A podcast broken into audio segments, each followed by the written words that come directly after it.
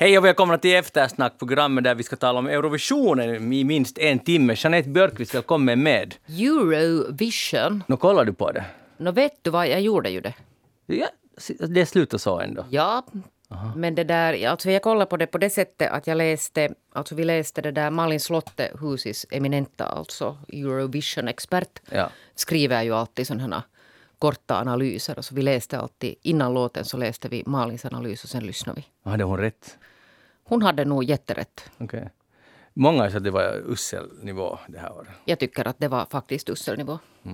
Mischa Eriksson har också hade tittat på liksom re, repeterade, alltså i repris många gånger efteråt. Här Eurovisionen. Ja, Jag, jag hatar att göra dig besviken, men, men nej. Jag såg inte ens huvudsändningen, va? dessvärre. Ja. Va- Vad är du för en rektor? Du Eller, liksom- eller hur? Ja, eller musikvän eller vad du än vill kalla det. Det är dåligt. Men jag tror inte jag sett en Eurovision sen Riki Sorsa uppträdde med Det är inte med, igår. med Nuku Pommin. Var det Nej, det var Kojo, förlåt. Ja, Riki. Sorsa hade reggae okej. Reggae okej. Alltså, vad var Reggae är ju okej. Ja, det är mer än okej. 70-talet, eller? Ungefär. Nej, 80 måste det nog ha varit. Jeanette. Skärpning. Jag heter Magnus Lundén, programmet Eftersnack. Staffan Sundqvist är tekniker idag. Och vi ska nog ändå inte bara tala om Eurovisionen. Men en sak, att det var ju, blev ju faktiskt så. Du som- tittar ju på den. Nej, jag tittade bara äh, lite, för det var ganska... Du tittade inte där när de ledde, alltså det var helt den här ordningen.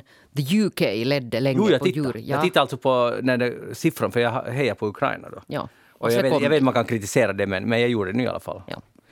Uh, men alltså det blev ju faktiskt ett försök till hacking, att uh, några ryska krafter försökte sabotera allting, precis som vi lite spekulerar här.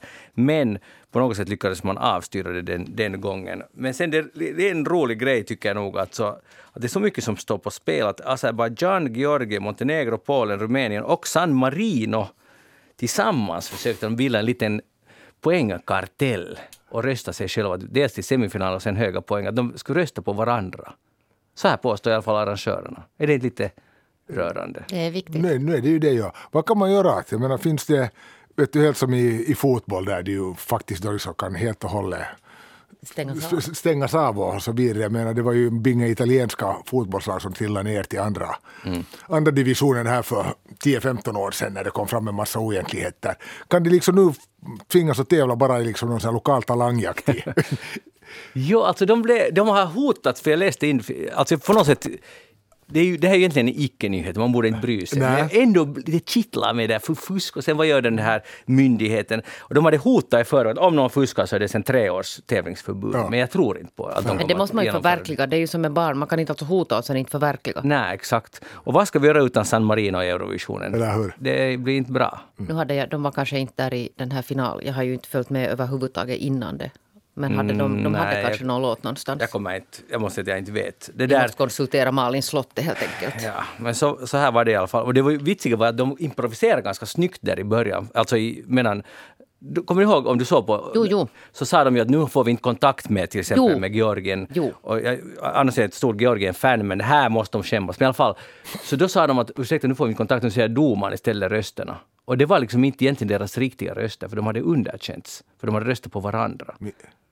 Och så, det här är sant. Jo, jo, jag vet att det är sant med det där. Så det var orsaken. Jag, jag skulle vilja läsa en, en lång välskriven och, och det där kartlagd artikel om hur det här byggdes upp Ja. och hur det avslöjades. Ja. Eller hur? En riktig sån här... Alltså avslöjande är ganska eh, dok- dokumenterat, men det här samtalet när- San Marino ringer till Polen och Ja, säger att hur exakt. skulle det Ja, vara. ja, ska vi. Och vem, vem skulle kunna komma med i vårt team här Ja, nu? ja. Det ska vara en bra dockare. Ja. Svenska Yle måste fixa det här. De har ju många bra grävande journalister. Eller Jeanette kan... Men du är ju en strålande sån här stilist, Magnus Lundén. Du är ju till och med prisbelönt. Så kanske du ska skriva det här Men kan vi inte göra ett samarbete? med Svenska Yle, du och Ja. Svenska Yle. Och du. Men hej, nu går vi vidare. Ja. Eh, Nato. Finland har ansökt om NATO-medlemskap. skap. Har vi? Ja. Det har ju Ja. vi missat. Jag tror att det var den här veckan. Det- eh, det har verk, på någon, någon, någon rubrik såg jag. Var det något annat land också som var med där? Ja, vad kan det Vad vara? heter de där? Schweiz. Schweiz? Det börjar på S. Ja. Nåja, rösterna eh, 188 mot åtta nej och tre uh, frånvarande. Ja, och ni tittar förstås på den här direktsändningen? Nej, det gjorde jag inte. Aha, no, det gjorde jag. Det var ju ganska självklart hur ja. det skulle gå. Ja, men man måste ju titta på det så att man kan säga att man har tittat på det här. No, vill du säga att du har tittat på det? Jag har tittat på det och min katt har tittat på det och min dotter har tittat på det. Okej, okay. jublar ni sen? Eller? Nej. Vad gjorde ni? Vi noterade att det gick så som man tänkte. Ja. Alltså, tittar ni på själva omröstningen eller följer ni med hela debatten från Arla morgonstund långt Nej, hon var ju i skolan med det där. En stund följde vi med och sen tittade vi på pausen och sen tittade vi när de röstade. Just det. Så att man kan säga att man har tittat på detta historiska ögonblick. Men vem hade tänkt att uh, kunna föreställa sig att när Finland den där ena dagen när de går med i Nato, att det skulle ske med så här enhällig... Mm. Alltså riksdagens, det krävdes väl egentligen inte ens riksdag, riksdagens Säg det för beslut. ett år sedan, vem skulle ha trott det? Ja, men fast inte riksdagen var här i avgörande roll, men de röstade i alla fall, så 188 i en sån fråga som Nato. Alltså det, det, är ju helt otroligt hur tiderna kan ändras. Har någon kollat nu, förlåt att jag inte vet det här, men har någon kollat, det var ju tre som var borta. Vem var det som var borta och var var de? Det har jag inte. Jag, jag kommer inte ihåg det. Jag tror att, nu drar det här lite ur hatten, men om inte kommer alldeles fel ihåg var det två från vänstern som var borta. Och det var åtminstone en var sjuk, coronainsjuknad, och det var nog alldeles goda orsaker hela vägen. Jag tänker att, att man skulle missa att man satt på kaffe för länge och sen ja, nej, nej, nej, nej, det var nog, det var nog alldeles, alldeles berättigade orsaker. Men tror ni att äh, folkets åsikt motsvaras av 188 av 200? Alltså jag, jag har faktiskt tänkt lite på det här sättet när, i samband med det här att för en gångs skull så, eller en gångs skull, men, men det här är ett typexempel där politikerna snabbt rätt, de folkvalda snabbt rättar sig efter folkopinionen. Mm. Eller hur? Att det skulle antagligen ha sett annorlunda ut men här var ju faktiskt så fort efter 24 februari så började de här signaler, signaler från fältet komma att nu måste det här lyftas upp och diskuteras. Och hatten av för att det faktiskt reagerade så snabbt på det också. Det fanns säkert en beredskap och en, hur ska vi kalla det, så underdämt tryck för den här diskussionen. Men det här var en typisk grej att nu röstar vi inte in sådana som är för Nato, utan nu måste de som vi har röstat in föra den här diskussionen för att vi kräver det på fältet. Mm. Så tänker jag.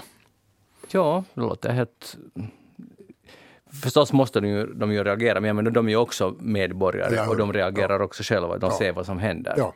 Men i alla fall 188 än en gång, så det är, helt, det är faktiskt häpnadsväckande siffror. Men jag tänker samtidigt också att den här... Det var ju på något sätt en sån här, hur ska vi kalla det, en, en sån uppdämd diskussion som bara väntar på att få föras. Att det här var ju inte liksom ett du säger att hoppsan sa att hur ska vi ta hand om det här utan det har ju, jag kommer ihåg då way way back in the days när jag ställde upp i riksdagsvalet så var ju en av de här frågorna som ställdes just att, att hur förhåller du till ett NATO-beslut? No, hur förhåller du dig till ett NATO-beslut? No, nu så är jag definitivt för, då så var jag lite svävande för. Mm. Att hade kanske inte liksom tyckt att jag hade precis samma, vad ska jag kalla det, uh, en fas bakom mina argument som, som man känner att, att det nu finns. Sen kan jag det där känna för att det blev ju alltså, vi talade förra veckan om att det var ganska mycket känslor i luften, att, att folk gick igång alltså känslomässigt på den här. Alltså, då var det ju redan klart alltså förra veckan att det här kommer att att ske. Och nu var det ju många som började jubla sen att äntligen tar Finland liksom steget in i det här västerländska på något sätt landskapet. Och jag har nog aldrig sett att det här NATO-medlemskapet skulle vara det här tecknet på att vi är en del av västerländerna. Ja. Så ja, nu, som många nu vill se liksom någon symbolik. Att nu har ju både Sverige och Finland varit alltså västerländska. Ja. Det kan man ju se där i att nu, man nu, ser, nu ser jag att EU var ett starkare drag ja. i det. Om du, om du vill tänka på den kontexten. Exakt. Ja. Ja, men, men samtidigt som sagt så ser jag ändå att här fanns liksom en enorm uppdämd diskussion som liksom på något sätt är en katt som ingen riktigt ännu hade vågat lyfta på bordet så här tydligt, en stor katt. Och i och med då den här 24 februari så då liksom var det dags att börja mm. stöta det här riktigt grundligt. Och det var alldeles uppenbart tycker jag också att det liksom det hade tänkts en hel del på det här. Att det var inte så yrvaket att ja, vad ska jag tro om det här nu? Utan just som sagt, om jag tänkte på det här sättet att, att mina tio år gamla synpunkter liksom ett ur tre fick en riktigt tung och berättigad grund så var det säkert så för många andra också. Mm. Jag tror inte det var hemskt många som gjorde tvära lappkast i det här. Det som jag också tycker att är, jag tycker faktiskt en, en fin sak, att man kan byta åsikt. Mm att, uh, för, för många vänsterförbundare så, uh, jag kan tänka, de röstar väl ungefär hälften, här, men en knapp majoritet röstar väl för. Nåja, och, och, alltså det, hela, stor del av deras liksom profil har ju gått ut på, spe, speciellt historiskt, men också nu i modern tid, att vara emot Nato. Och sen ändå i majoritet trycker nu på ja-knappen. Mm. Jag tycker att det visar i alla fall på, och det visar ju också hur djupt, hur grundligt allt har förändrats. Men tänk att, att att någon skulle gissa att Vänsterförbundet sitter där och trycker ja, vi ska gå med i militäralliansen NATO. Ja. Och de sitter där och trycker på ja-knappen i majoritet. Det är häpnadsväckande. Hatten av för det. Ja. Det, var, det var jag själv funderade lite på i den här uh, det är ju klart att det är inte en, det finns ju för och nackdelar. Vi måste ju se både utmaningar med, med det här alliansmedlemskapet och samtidigt som också de här fördelarna också är, är rätt så klara. Men äh, det finns ju de som tycker att disk, samhällsdiskussionen inte har varit tillräckligt nyanserad de här senaste månaderna. Att det liksom egentligen bara har mm, tutats och körts med, med det där det här medlemskapet framför ögonen. Och jag vet inte riktigt om jag kan hålla med om det här. Mm. Hur ser ni på det? Tycker ni att den, här, att den har varit hemskt ensidig och, och med, ett, med en klar målsättning, den här, den här diskussionen som har förts i, i samhället? Eller? Det tycker jag nog att den har varit, alltså att målsättningen har varit klar hela tiden. Mm. Att nu har det ju varit alltså, och det här är bara nu en känsla. Alltså ja. Jag har ju inte gjort någon analys och det har väl ingen annan heller gjort. Men nu har det ju varit alltså helt klart så att det har varit alltså till, till Natos fördel, den här mm. debatten. Och, och sen i alla fall det där, i något skede så gick känslorna så heta att om någon försökte göra någon sån här, eh, åtminstone liksom lite kritisk reflektion, att är det här klokt? Alltså ens liksom att man skulle diskutera den, den aspekten, mm. att det här är inte helt problemfritt, att det finns ja. utmaningar också i det här så kom det alltså direkt en stämpel att, att man är på något sätt på Putins sida, att man är liksom på Rysslands sida. Och det, det har ju inte varit alltså helt sakligt. Så ska det ju inte gå till alltså om man för en... Vi talade, jag förra veckan att vi talade om att, att i Sverige hade förts en lite mer nyanserad debatt och så var det någon som sa ja men de har ju inte den här gränsen till, till Ryssland. Och det har inte någon, någon relevans att hurdan gräns man har. Att nu har det ju kunna, relevans. Jo, men, men alltså förstår du att man ska ju kunna oberoende av gränser föra en alltså saklig debatt. Ja. Och kunna alltså få till exempel uttrycka sin, sin, sina farhågor. Ja. Utan att bli stämplad att man är på Putins sida. Mm, verkligen. Och jag håller med Jeanette, för jag tycker, jag tycker faktiskt det är sant. Men det är inte heller så konstigt, för det har varit NATO-hybris och, och, och, det är helt förståeligt. Jag menar, det är bara att titta på vad som händer i Ukraina, så där är orsaken. Absolut. Men nu är det ju sant att det har varit väldigt positivt till NATO. Det, och, och sen har ju motargumentet varit, hej, vi har talat i 30 år negativt om NATO mm. i Finland. Att det har nog hunnit, man har nog kunnat älta hur dåligt det är att gå med i NATO. Och nu blev det plötsligt en positiv hybris ja. för att gå med i NATO. Jag, jag skriver under det här att, att, som Jeanette säger, att det är alldeles klart den här diskussionen har ju handlat om att hur ska vi gå ditåt och fördelarna har lyft fram hemskt starkt. Men jag kanske inte alldeles, jag, jag har åtminstone inte stött på det här att, att de här kritikerna, de kritiska rösterna, att de varken skulle ha tystats ner eller, eller dissats. Utan jag tycker nog att de har fått, fått utrymme. Sen har de kanske inte tillräckligt övertygande kunnat tala för sin sak. Så att då, men det går ju nu att tala. Det är jättesvårt att nu tala mot NATO mm. i det här läget. Som, jag menar, det är helt men, men till exempel det som vi nu någon gång pep till här om att uh, vi går ju faktiskt in i en allians med Turkiet. Mm. Nu ser vi vad, vad det innebär. Mm. Alltså de, de, det kommer att bli någon sorts kompromiss och de mjölkar ut det de nu kan ur det här. Men alltså att, att ett land kan börja säga att ni, ni, ni stödjer terrorister, kurdiska frågan, det, den är liksom, att vi, de ska få bestämma sånt. Mm. Och, och, det finns sådana här risker. Sen finns det, vad händer om tio år? Vad innebär ett NATO-medlemskap på tio år? Mm. Kommer det uh, militärbaser hit? Till Finland. Okej, okay, Finland måste själv få bestämma det, men det kanske ändå kommer om Finland som bestämmer. Det finns saker som vi nu inte har kunnat diskutera, eh, kanske det helt tillräckligt, för att ingen vet förstås vad, ja, vad det leder till. Jag, som sagt, jag, jag, håller inte alldeles med om det där. Jag, jag, jag, tycker nog att de här utmaningarna har lyfts fram, kanske då först och främst av de här kritiska rösterna.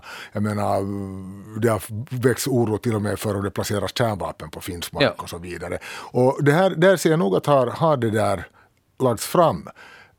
Men vad jag, min poäng här är att jag tycker inte att de här rösterna på något sätt har, har det där fått utstå spott och spe eller, eller det där fösts åt sidan eller tystats ner. De har sen kanske konstaterats inte väga lika tungt mm. i den här diskussionen. Mycket möjligt på grund av den här hybrisen som du talar om, att, att det i andra sammanhang kanske skulle ha vägts liksom lite lite jämnare där. Men, men som sagt så jag ser nog att, att som i det öppna samhälle vi bor i har den här motsatta åsikten fått utrymme. Ja, speciellt om man jämför med vårt östra, grannland om, Ja. om hur öppet man kan diskutera saker. Ja, ja. Så vi, vi vinner, Finland vinner nu 100-0 där. Det, det kan vi vara glada för. Det är precis det, är väl det vi vill försöka Eller vi är ju behålla. glada Det är för väl det vi försö- vill försöka behålla också. Men. Hej, eh, Men du ville inte prata om att Niinistö var där i Sverige och den här att han råkade vara där alltså just. tänk att det var så lämpligt. Ja, och det var ju alltså faktiskt en, en händelse. Var här det en händelse? Ja, men så var det, Nä. alltså, det här var ju ett statsbesök som var inbokat för, för ganska länge sedan. Ja, men var det inte slutfilningen ändå? Nej, men det alltså, skulle- det kan hända att slutfilningen alltså bara var det att man pressar fram det här Ja. finska beslutet alltså, så att det skulle vara färdigt innan han alltså far dit. Men det där, nu var det ju på något sätt, alltså, jag måste nu säga att jag blev lite, alltså, när man har nu talat om den här Sanna Marin som inte, inte där får ur sig någon svenska när hon är där i Sverige. Eh, att han drog ju den här Niinistö, han var ju på alla möjliga, alltså i alla möjliga sammanhang och han talade i riksdagen och han talade på presskonferenser. Svenska alltså konsekvent och jag tycker det var så fint. Det var jättefint. Och det, man kan inte säga det om, eller det var i kolumn i Husis uh, om hus, uh, finländska socialdemokraterna. De informerar endast på finska inför den uh, amerikanska svenska pressen. Uh, otroligt svagt. Alltså hur kan man inte ens tänka till? Må vara det är brådis och så vidare, men att när man har chans, som Ingemar Lindros då påpekar, man har chans att tala till världen, så talar man då på finska. Alltså på riktigt, det är liksom ganska svagt. Men Man borde först på finska, eh, nu går vi över, till- nu tar vi lite på svenska och sen tar vi lite på engelska. Ja, så, så lätt. Men det, det är inte alltid lätt. Hej, eh, vad tycker ni om en sån här kampanj? Det finns en Ring Ring Russia äh, at på Twitter och på webbsidan wasterussiantime.today om ni vill besöka den. Och det går ut på att de har, det är en grupp, eh, jag är lite osäker på vem som står bakom, men de har alltså luskat fram ungefär, vad det nu, 5000 telefonnummer till statliga tjänstemän i Ryssland. Sen hackar de deras telefoner, så de börjar ringa till varandra, de här telefonerna. Så att när, uh, Jeanette, till exempel du och jag, plötsligt ringer det i vå- bådas våra telefoner. Jag svarar hej Jeanette, vad har du för ärende? Och du lyfter också upp, för det har också ringt till din, din telefon. Och du säger, men vadå, att det var ju du som ringde mig. Och säger, nej det var du som ringde mig. Förstår ni? Att vi håller på så här käbblar. Och de liksom saboterar ryska tjänstemäns vardag genom de ringer hysteriskt upp varandra. Och de hade det här igång redan i förrgår, sen kraschade någon server och de blev väl i si- sin tur hackade och nu har de fått upp det igen och sen är det för många i världen, för man alltså kan gå in på webbsajten och säga att börja ringa. Och jag försökte göra det då. Jag tyckte det här låter ju trevligt. Uh, uh, och, och det där började ringa, men sen var det igen att det var någonting, det var för många som försökte samtidigt. Nåja, men är det här sakligt eller är Alltså, det det, inte? Det, det är, ju- jag kommer ihåg hur jag på 70-talet ringde Pilasoiton. Ja. Ja. Gammaldags hederlig trådtelefon. Och vad sa du när du ringde upp? Nå, vet du vad man nu ropar? Vet Ja. du? Man ringer till någon som heter Eli och vet du, säsongen har börjat, akta dig och så vidare. Bra. Och det här är nu alltså... För ungdomarna, det var på den tiden när man kunde ta fram en telefonkatalog och titta vad människor hette och sen ringa det här numret. Ja, det var jättespännande. Och det, där, det här är lite av mer avancerat, men det är samma idé. Det är säkert, alltså det är säkert typer i den generationen eventuellt som har... Nej, de här är nog yngre säkert, för de är ganska hårda på datagrejer. Men ja, tycker ni att det här är sakligt? Är det här, gynnar det här? De säger att det här är ett civilt motstånd. Ja, så I och för sig så kan man ju säga att det där är säkert en del av, nu av den här hybridkrigföringen. Ja, om, vi, om vi vill ge det ett fint namn. Ja. Men Pilasoitto är det ju fortfarande. Det är verkligen. Vad heter det? Tju, nej, vad heter det på svenska? Okynnes. Okynnesringning. Är det så det heter? Det, vi kallar På, det på så. någon sån här 40-talsspråk. Nej, det finns ett annat ord, nåja sak som... Uh, men, men att, okej, okay, det finns, de har bandat upp, eller de har spelat upp sådana här samtal och det är någon militärperson som får ett samtal av någon annan och de är båda rasande på varandra. Varför ringer du mig? Det är du som ringde mig. Jag tog just upp det. Nej, det var du som tog upp det. Så här håller de på. Och, och, och idén då, då har, om inte man har, om man är hela tiden i telefon så har man inte tid att bomba. Det är liksom det som är tanken nu här. Nå, det är lite på humor men... Ja, ja, absolut. Ja. Men som sagt, så, ännu en form av hybridkrigföring. Jag menar, följande är väl ungefär det här att alla, alla trafikljus visar grönt i Moskva. Mm. Eller hur? Vi går in i var en bra ganska idé. farligt, men då dör många människor också. Civila. Men alla rätt då? No, det skulle vara mycket bättre. Nu är det stopp. Ja, nu... Ja. Det skulle det skulle vi, speciellt i Moskva, Ja. där det finns ganska mycket bilar. Ja. Där har vi en idé till Anonymous, eller vad heter det? Anonymous. Anonymous. Eh, men uh, på tal om telefonsabotage, jag har frågat till er. För att eh, på mitt jobb, då är en liten firma, så ringer telef- vår kundservice-telefon ringer konstant nu för tiden. Och det är alltid Ett 923-nummer. Uh, nej, det är massa olika. Det kan vara... eh, Det är 040923, man ska akta sig för dem. Ja, men det finns massa andra varianter. Mm. Det kommer utrikes, Spanien, England och ibland kan det se ut som ett finländskt nummer. Det är alltid, alltid det är liksom så här office-ljud i bakgrunden, det är jättemycket som händer. Och så är det “Hello, is Mr Peura there?” Peura, Mr Peura. Och det där, och och det här tar aldrig slut. Och min fråga är nu, varför? Vem, alltså det här är ju lite samma som de här att få ryssarna upptagna i telefon. Att är det någon som vill att jag ska vara, vi alla finländare ska vara i telefon hela tiden för att vi inte ska göra något annat. Eller vad har de att vinna på det här? Men är det inte så att de försöker få de här pengarna? Alltså de försöker sälja några tjänster eller få dig att ge något bankkort eller... Eller, eller att du på något sätt bara svarar ja på någon fråga, Ja, och så bandar vilket, vilket är bindande och sen så blir du skyldig dem jättemycket pengar. Ja, det har jag tänkt på, därför svarar jag aldrig ja. Och sen har jag, eh, men min fråga är varför slutar de inte? För att sen har jag haft metoden att jag är tyst. Jag säger absolut ingenting, då sätter de på ganska snabbt. Eller om jag inte svarar, men då ringer de direkt på nytt. Och ringer på nytt. Alltså det kan vara Men du kan ju blockera dem. 50-100 samtal. Ja, men vänta, du det är har olika smart. nummer hela tiden. Ja, jag vet. Det är lite besvärligt nu när du har en business. För då, då det där eh, då tvingas du att svara nästan oberoende vem som ringer. Men jag har ju för länge sedan slutat svara på nummer som inte jag har i min telefonkatalog när det ringer till min telefon. Att jag, jag tar helt enkelt inte emot det. Det är är, är, är, det vikt, är det viktigt så skickar jag ett textmeddelande. Hej, jag har försökt få tag på dig i tre dagar. Skulle du kunna ringa? Du har vunnit 10 miljoner. Men, Här i ja, den här Beninbanken. Ja, men det, ja, ja, men det händer aldrig. Ja. Jag är ändå bara intresserad, alltså, för det är, ju någon, det är ju riktiga människor, för det är inte alltså sån här robotsamtal, för det här är en riktig människa. Ja. Och, och att någon måste betala deras löner. Eller Någon sen, eller sen har de någon form av provisions... provision. Eller sen har de någon slags slavkontrakt. Ja, men ändå, ni förstår att någon sent någonstans ifrån ska det komma till att hålla någon människorna på jobb Ja. och ringa efter Mr Peura. Ja. Men har ni någon Mr Peura på din? Nej, inte, jag, jag har inte sett någon Peura.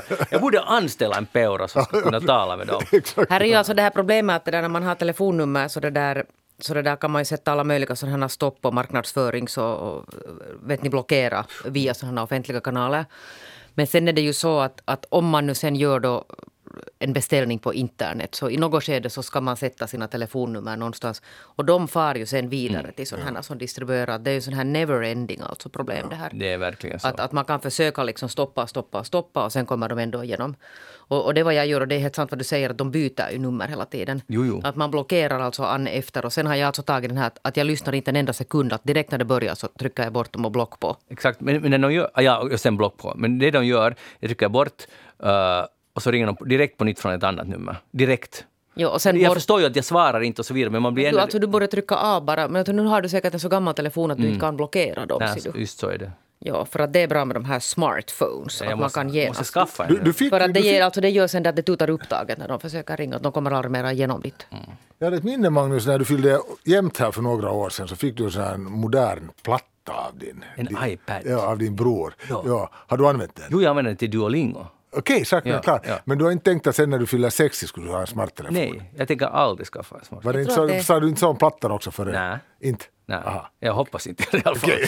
Men vi går vidare. Hej, elpriserna kommer att stiga. Och, eller de har ju de facto redan stigit helt åt så hisnande mycket. Också själva elpriset, inte bara överföringsavgiften. Nej, nu har allt stiger och uh, det har ju varit exempel på alltså, jämförelse med ett för ett år sedan. Och, och man är helt what?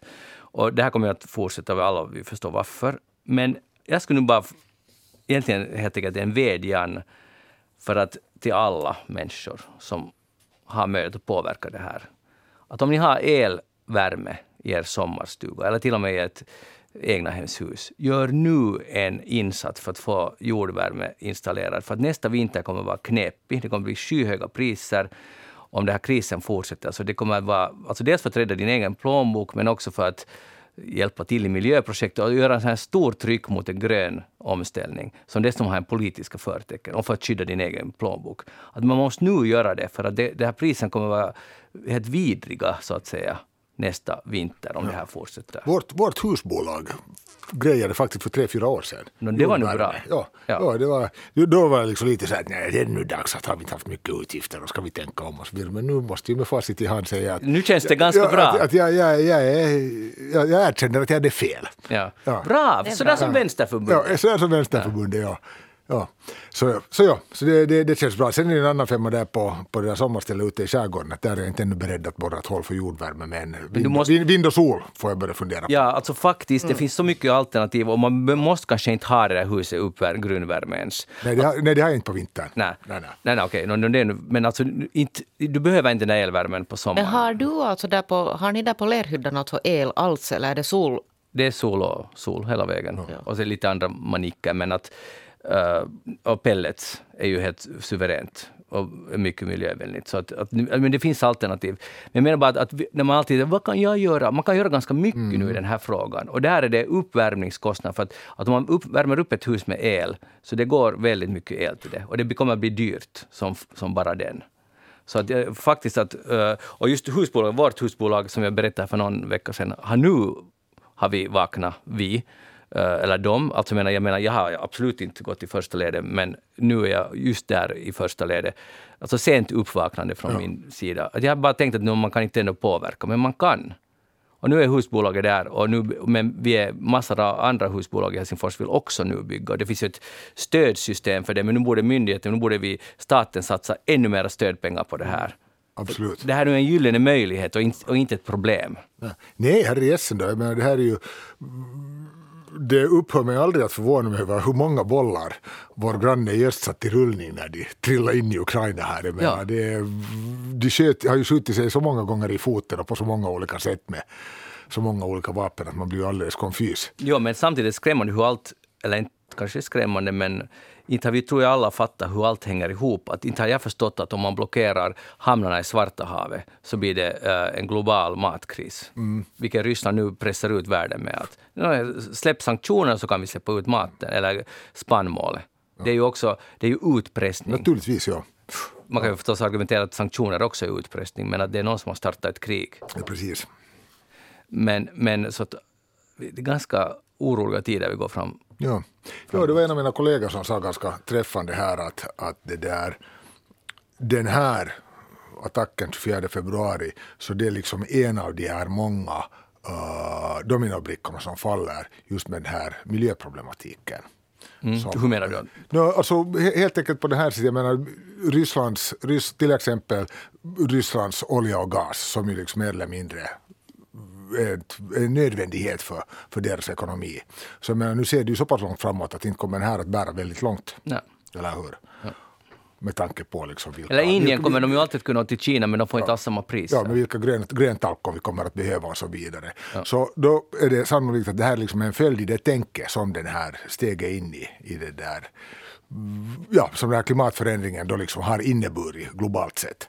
Att vi måste börja ändra på saker och ting och då liksom kommer det att ske kriser av det här slaget som vi kanske inte har kunnat. Ja. Vi har ju talat, vi har, vi har varit medvetna om till exempel en, en flyktingproblematik, om då till de här säg afrikanska länderna då börjar lida av, av svåra, svåra det där hungers, hungersnöder, torkor och liknande. Så att det inte helt Klimatflyktingskap. Klimatflyktingskap, precis, tack för den termen.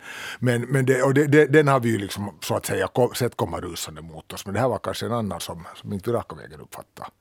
Men hur ser ni på det här? För att, att det är det som det är en spännande sak med oss människor. Att vi agerar först då när vi verkligen måste.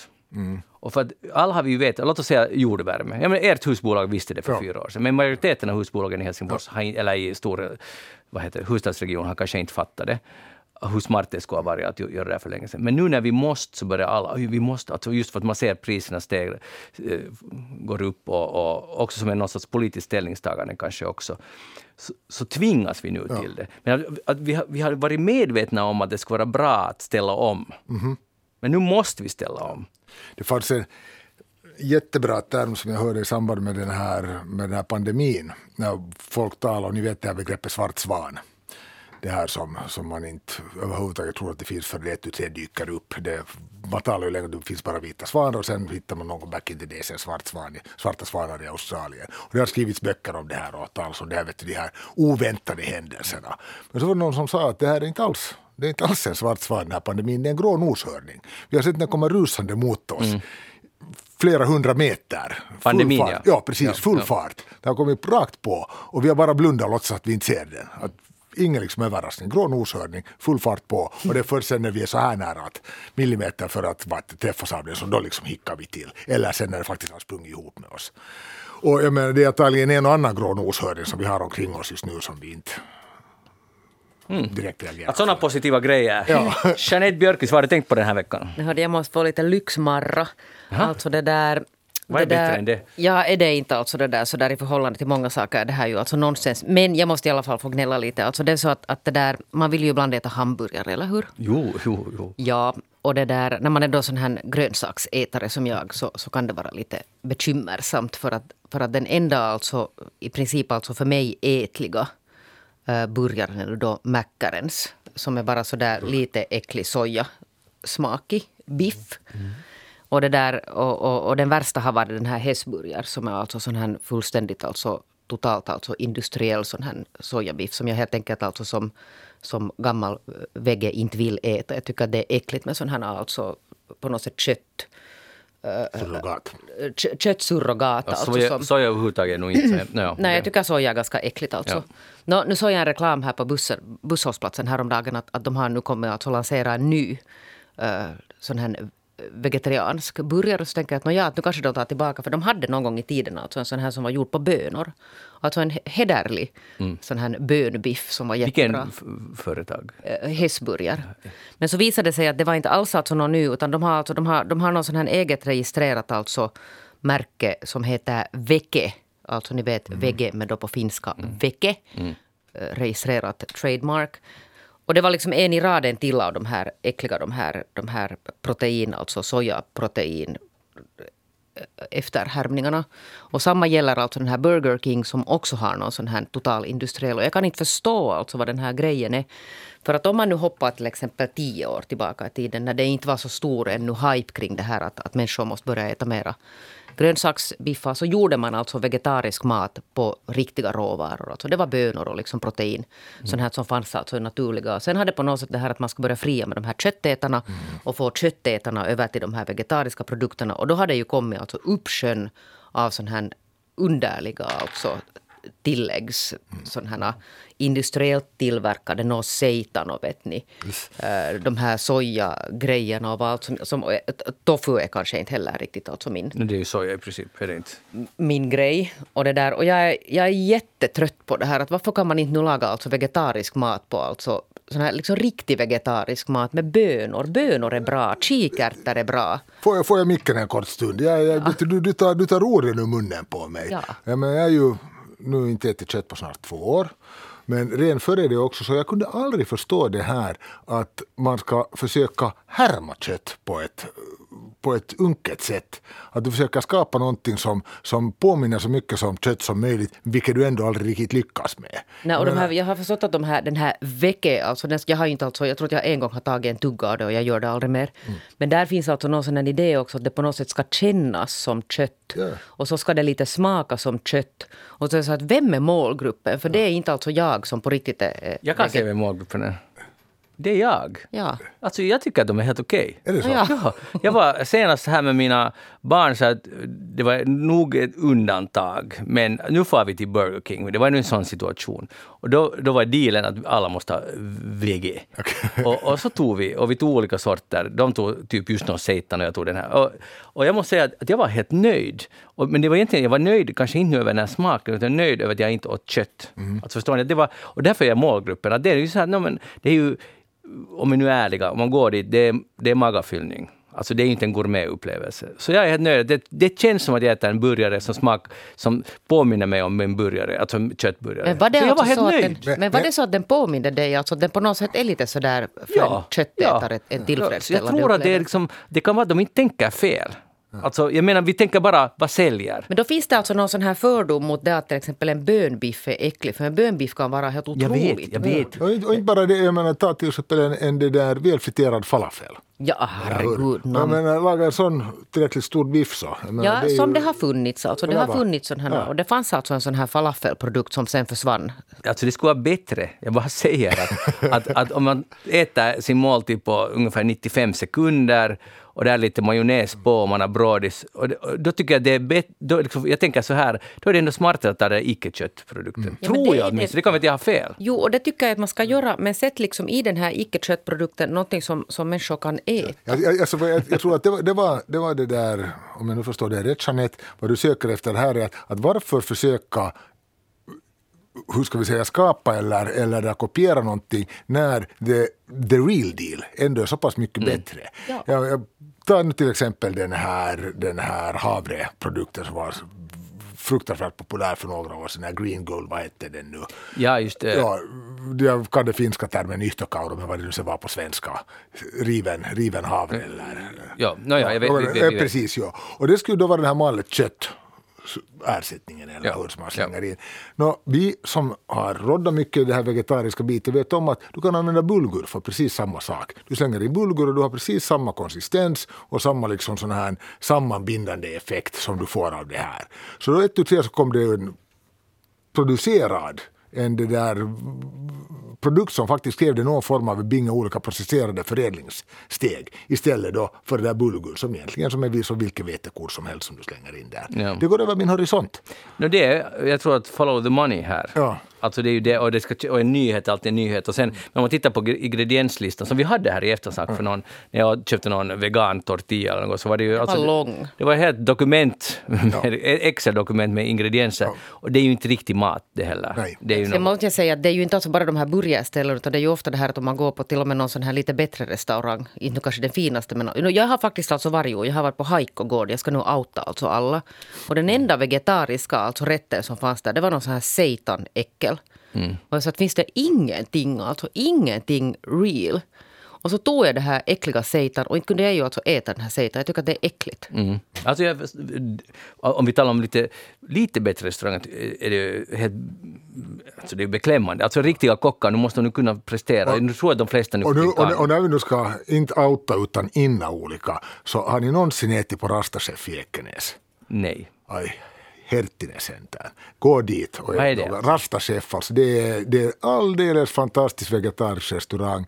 Uh, tidigare åtminstone verkar han där vid Ekenäs bibliotek. Jag tror att han är där fortfarande också. Alltså det är vegetariskt som att det smälter i munnen. Det är det bästa jag har Men nu när man tar det konceptet och sätter det in att det ska finnas på vanliga restauranger, ett sånt starkt Alltså, alltså, han, han, han borde öppna en, en, det där, en kedja Mm. och bara kvalitetskontroll överallt. Det är alldeles otroligt. Nästa gång ni kör till Raseborg så skutta in i, i vatten och kolla Rastachef när de har öppet och gå dit. Och, det är Där är inga äckliga sojaslimsor. verkligen, verkligen inte. Mischa Eriksson, vad har du tänkt på den här veckan? Ja, hördu, jag har egentligen tänkt hela, hela våren på den senaste flugan. Har ni spelat Wordle? Nej, men jag har hört mycket snack om det. Ja, det, det, det, det, det är fint. Det är fint. Alltså Wordle, alldeles här i korthet, det är ett, det är ett litet enkelt spel. Lite så kommer ni ihåg Mastermind från den här vi. Det gör jag. Ja, så hela idén bakom det här Wordle är att du ska, du ska gissa ett ord med fem bokstäver i. Du får sex chanser. Du gissar först ett ord, du matar kanske in krona. Och så får du veta vilka bokstäver är rätt, men på fel plats. Och vilka bokstäver är rätt och på rätt plats. Och sen får du ett nytt försök, gissa det en gång till. Och så här ska du gissa då sex försök. Och sen så- pammar man. Sen pammar du om inte du har grejat det. Och det här är ju kanske inte, hur ska vi säga, så här vanvettigt, låter så här vanvettigt dramatiskt, men, men det, det här sättet på vilket det är uppbyggt, det är till exempel så här att du kan den här riktiga Wordle, den här som då en kille skapade här för ett knappt år sedan och sen till sist sålde till New York Times, du kan bara spela det en gång per dag. Det är inte så här att du gör det om och om och om igen, utan du får det där ena ordet som du ska gissa. Och dessutom så har alla i hela världen precis samma ord. Vänta, är det någon sorts patent? Alltså kan man inte gå in och spela jo, Word det, någon det, jo, det kommer en massa olika, olika varianter av det och, och olika kopior. Det finns nu för tiden en svensk Wordle som heter Ordlig, men den har också bara ett ord per dag.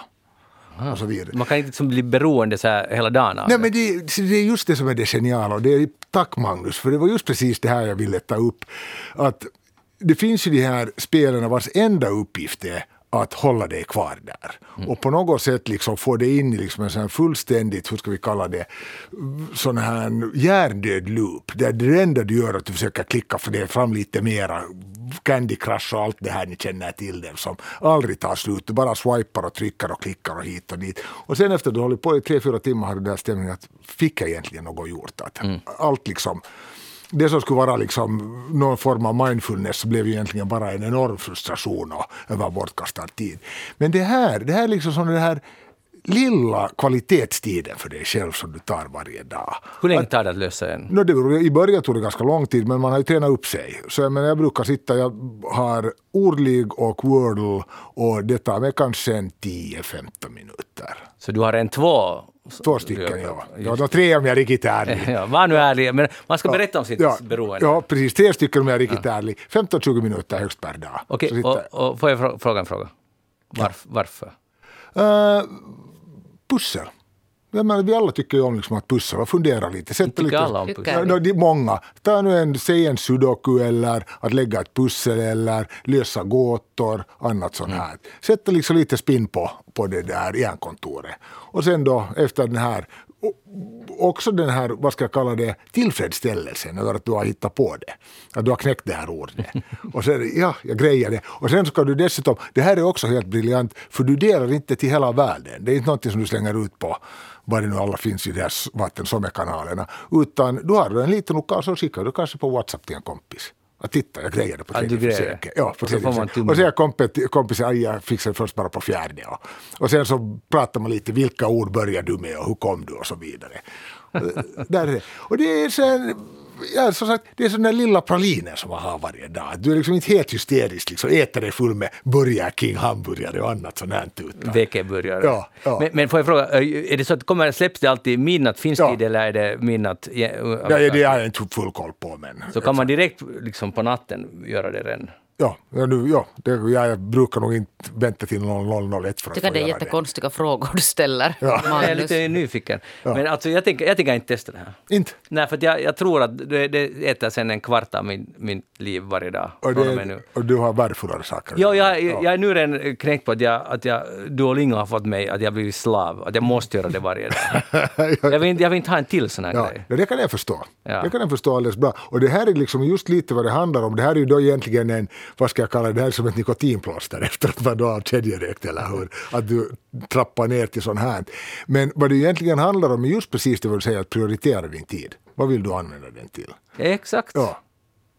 Men du vill tydligen använda det till det här. Men jag, jag har förstått att det är superpopulärt. De, ja. de har ju hittat på någonting som funkar. Ja. För det, alla gör ja, det. Ja, faktum är att det som sagt, det, det tar inte lång tid och det är ganska roligt och det är en liten sån här, hur ska vi kalla det, nollställning där du faktiskt får fundera ganska intensivt och jag vill påstå också att det, det främjar ju också din verbala vighet. Men märker du Mischa att småningom, nu har du Duolingo, du har det där, du har säkert något annat som du inte ännu har avslöjat. Träbåt. Vad säger du? Min träbåt. Din träbåt. När läser vi till exempel böcker?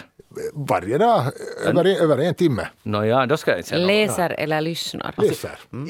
Är, är det så att en rektor har oändligt med tid, eller vad är det här riktigt, riktigt frågan om? Nej, men det, det, är en valfråga. En sak som jag till exempel helt och hållet har valt bort från min, min det där vardag tv-serier. Ja. Fullständigt. No, men då, det förklarar. Bra. Jag köper Mishas nya koncept. Ja. Inga tv-serier, en timme bokläsande, lite Wordle plus Duolingo. Och träbotten. det köper jag inte. Det köper jag verkligen inte. för, för på tal om, om, att bli beroende av någonting. Ja, men bra! Oh. Och jag ser att Jeanette ser mycket skeptisk ut. Ja. Jag, tycker, jag tycker att Jeanette skulle pröva på det. Ja, det där ska inte pröva på sånt för jag blir beroende av allt. Eller hur? Ja, det är också bra att känna sig själv. Det är sant. Hej, en quiz till er, när du nu är sådär... Artsan. Vad gör du? mockar allting. Du borde skämmas. Alltså, jag skulle kunna det här alltså, hon borde bli utkastad ja, från det här programmet. Ja. Jag skulle läsa upp det här citatet och, och, och vem, det, vem handlar det om? Plötsligt kastar sig Cross framåt och måttar ett fruktansvärt slag mot Pip, som dock glider undan med kattlik smidighet. Nästa slag blockerar Pip lika lätt och med ett oerhört snabbt slag mot solar plexus fäller han Cross till marken. Och då skulle min fråga vara, vem är Pip? No, vem är Pip, Mischa? Fantomen. Nej, fel nära men inte rätt svar. Säg en gång till. Uh, Korak. Nej, inte Korak heller, men det, det, det börjar närma sig. Ni är så in i framtiden. Jag visste den på förväg att det är Då Tarzan. säger jag Tarzan. Char- Jeanette hade det Tarzan. Det gick Ska inte lägga fram sådana tidningar så att jag ser dem. Nej, sorry. Grejen var den att jag var uh, på landet och sen skulle jag gå då, om det nu intresserar så skulle jag på Dasse, Mm, Uthusen. ja, uthuset. Och så gick jag uh, till min sons han har en ganska imponerande samling som jag hade bidragit till med serietidningar. Och där såg jag Tarzan från, hör på det här, nummer 14 1954. Jaha. Och så tänkte jag, det här har jag aldrig läst, så nappade jag den. Och det, det blev ett långt besök. För att det där, alltså det här är så, alltså ungdomskultur från 70 år sedan. Ja. Alltså det handlar jättemycket om det här indian. Alltså det är lite konstig odd kombo att Tarzan och sen någon sorts jättekort steg till att man är också en indian samtidigt. Men alltså det här indianliv runt lägerbålet, bygg din egen vasskanot och så här, så här, så här uh, paita. Alltså hela bakomslaget är en bild av en indianhövding som man då ska tydligen Ja. hänga på väggen. Och så här massor alltså sån här snack om eh, medicinmannen. Här så här långt, långt, långt inlägg ser ni här, en hel sida med liten det är text. riktig text. Ja, Det var på riktig den text. tiden när ungdomen kunde läsa. Ja, det är just det jag menar, att ungdomar har läst en sån här lång, lång, alltså här är säkert 5000 tecken om medicinmannen, hur det funkar i ett indiansamhälle. Också lite olika stammar. Så här. Och emellan lite då action när Tarzan fixar, fixar det där i djungeln och utbrister. Ja, Just det, hej, det är ju det att när han sen... Fega Bundolo. Ja, men de stora ap... Mm, mm. Sen efter han slagit ner den här Cross som är alltså en skurken i det hela. Men de stora apornas segervrål vrål tillkännager Tarzan sin seger. Alltså han, ni vet, han ropar ut där. Tarzan är ju inte så hemskt pop nu för tiden. Nej, Nej, det är inte helt PC. det är inte helt mera. Nej. Och det är det som är också... Har du, har du läst de där ursprungliga böckerna på länge? Nej, nej, jag har inte. Har Det, du? det, eh, jag, kommer, jag läste den hemskt mycket när jag var liten, så kommer jag ihåg den ganska bra. Men jag tror nog att det skulle vara en ganska hög, hög det där obekvämlighetsfaktor om jag skulle plöja igenom det på nytt. Jo, för det var det att alla de andra var också den här serien som de här som man då kallar infödingar, de är bara statister. De är åh, fantastiskt, Tarzan fixar det igen. De har liksom ingen egen så att säga vilja. De är bara en hord, goda men ganska korkade. Precis. Och sen finns det de här skurkarna förstås. Men jag har nu en, en utmaning till eftersnackslyssnare, för jag blev så tagen av ungdoms... Att tänk om man ska varit då tio år på 50-talet, om man ska ha läst det här, det skulle vara helt okej. Men här finns alltså en adress delvis på baksidan. Och jag utmanar nu, det här skulle kunna vara en eftersnacklyssnare. Det är någon som heter Hultén i efternamn och R börjar förnamn. Så ser ni att det är rivet här. Så man ser inte. Och den här Hultén R har bott på Mannerhej, och så är det paus, bortrivet A1. Och Mannerheimvägen finns ju i Helsingfors, men det finns ju Mannerheimgatan i Borgå och Lovisa. Så Hultén R. Din- En tidning väntar på dig. Jag vill gärna återbörda den till dig. För att någon gång har jag köpt den någonstans och nu har du chans att få den tillbaka gratis dessutom. Ja, och det framgår inte vilken stad det är. Det är Nej, nej, det är just det. Det, det är bortrivet. Det står inte vilken stad det är. Och du kommer inte ihåg... Mannerheimvägen eller Mannerheimgatan, vad sa du? Ett? Någonting A1 och sen personen heter Hultén och R börjar på R förnamnet. Rainer. Ronja. Eller Ronja. Ronja Hultén på Mannerheimgatan i Borgå. Det här var en utmaning till eftersnack. Om ni känner någon så ta nu kontakt med eftersnacksnabelayle.fi för det Som vara har bott viktigt. på, när var det här som har bott på? 1954 har bott på det, i den här lägenheten. Eh, det är nog hå- hårda grejer det här. Uh, att sånt... Uh, nu tror jag att vi går faktiskt vidare. Det där... Forest Green Rovers. Vet du vad det är? Forest Green Rovers. Ja. Är, det, är det ett fotbollslag? Ja. Det är ett, eh, på tal om veke, ett vegetariskt fotbollslag. Som, som har nu stigit, det här är sant, som har stigit till alltså tre, League One, tredje högsta nivån i eh, engelska systemet. Hatten Så av. var det vegetariskt. De äter endast, ja, förlåt, det är veganskt. De äter, hela laget äter endast veganmat. Och deras stadion drivs med typ solpaneler. Och de reser alltid med buss. Alltså kollektivt så att säga. Och, det där, och de eh, äger alltså, ägs av en någon sån här miljöaktivist som är då råkar också vara miljonär. Och eh, jag bara funderar, Jeanette, skulle det här är ett lag som du skulle kunna börja heja på? Alltså, De har alltså funnits länge. alltså det där... 130 år har de funnits. Har de Men alltid varit alltså- veganska? Nej, nej, nej, det har de inte. Det har de inte. Nej, men, men inte heja, inte det är ju sådana saker som styr var hjärta hör hemma. Man kan ju inte byta lag. Man kan sympatisera med andra men det finns alltid bara ett lag. Mm, Och vilka är det för Det är dig? Man United. Man United. Och, och Jeanette, hur, glory. hur går det just nu för dem? Nå, bättre än för det där veganska laget. Veganska laget har stigit. Jo, jag vet. Om vi nu på riktigt ska, om vi nu på riktigt ska tala Premier League-tabeller så nästa veckoslut avgörs det om West Ham pressar ut dem ur De har kommit med dina West. Ham nu. Mm. Ja, men det- men det är ett faktum. Det var inte West Ham vi talade om nu. Det var, Nej, det var tyvärr... Du får ha en egen podd om du vill ha West Ham-podden. Är det så? Det måste du fixa själv. Äsch. men det är ju helt, på det sättet är det där ju helt intressant att de visar att också med det där, också utan kött kan man vara elitidrottare. Ja, det var lite dit jag ville komma. Och nu tänkte jag fråga, att skulle ni, om inte du skulle ha West Ham, skulle det här vara en, alltså, och du inte skulle ha Manu, jag frågar till er två, att skulle ni kunna så att säga av ideologiska skäl börja heja på ett fotbollslag? Skulle det här kunna vara ett tillräckligt argument? Jag börjar heja på det här veganska laget. Nå, av vad annat än ideologiska skäl så väljer man sitt inte finns det någon ideologi i West Det finns Ham. inte, alltså, det finns inte, Mischa. Det är hjärta som styr. Ja, men men mitt jag har ett mycket ideellt hjärta. Du hejar på West Ham United för att någon gång på 70-talet bestämde du att det är nog bra. Ja, jag fick i, från Fantomen-klubben den. Nåja. Det där ett tygmärke med West Ham på. Ja, det har ju ingenting med, alltså det är ju med känsla förstår du, att det är så det börjar och sen utvecklar man ideologin. Men nu försöker jag utmana er. Vad tycker du själv? Uh, det är just det här som du alltid gör när du inte kan svara på en fråga. Alltså, Eller vill? jag, jag skulle inte, för jag skulle, nej, jag, jag, nej, jag, jag tycker att Alltså jag kan sympatisera med dem, men jag skulle inte, tror jag, sådär börja heja heja. Men sen kan det vara att man ska gå på en match, man skulle få någon relation. Fantomenklubben skulle skicka till mig, Green, vad de nu hette, Forest, Forest Green Rovers. Forrest, de skulle skicka någon dekal åt mig, så kanske jag skulle börja sen. Med en bild av någon veganskt Ja. seitanbiff. Så kanske jag skulle börja heja Ja, då skulle jag ju definitivt inte. Man borde kolla vad de äter. Ja. Men, det, men det, här, det här betyder ju samtidigt också att du är ju på något sätt i en målar in det i en återvändsgränd och det sen visar sig att, att det där fotbollslaget som du har valt inte spelar med helt rent mjöl i påsen. Och så sitter du ett, tu, tre där och... och Alltså vilket lag? No, vi- vad, vad, vad som helst. Ja. Menar, du, du sa att kan vi välja av ideologiska skäl och du säger nej. Men det betyder att då blir det också svårt av ideologiska skäl att klippa av bandet till din favoritklubb, Mm. eller hur? Det är säkert så. Men, men jag tycker att det borde vara lätt att klippa av. Alltså om, om Charlton till exempel skulle visa att de är sponsrade av ryska oljepengar så Mm. skulle jag hoppa av. Jag skulle göra det. Ja, så du skulle aldrig kunna tänka dig Chelsea? Nej, nej förstås inte. Mm. Ja. Men vem äger West, West Ham? Men för tillfället så är det ett par amerikanska businessmän. Ja, men då är det ju då är det allt okej. Det är jättelätt. Inga problem. Hej, när vi ändå är inne på tema sport. eh, jag vill bara... Alltså, konstigt hur saker fenomen uppstår som jag inte riktigt förstår mig på. Det var i Oslo här om veckan, the Oslo E- e-sports cup i schack. Det vill säga, Mischa och Magnus och också Jeanette, eh, vi är schackmästare och, och vi ska spela en turnering med ganska mycket prispengar. I, så sitter vi i samma, alltså vi sitter mitt emot varandra, men vi spelar via skärm. Alltså vi spelar, det är alltså e-sport, men vi är ändå i samma rum.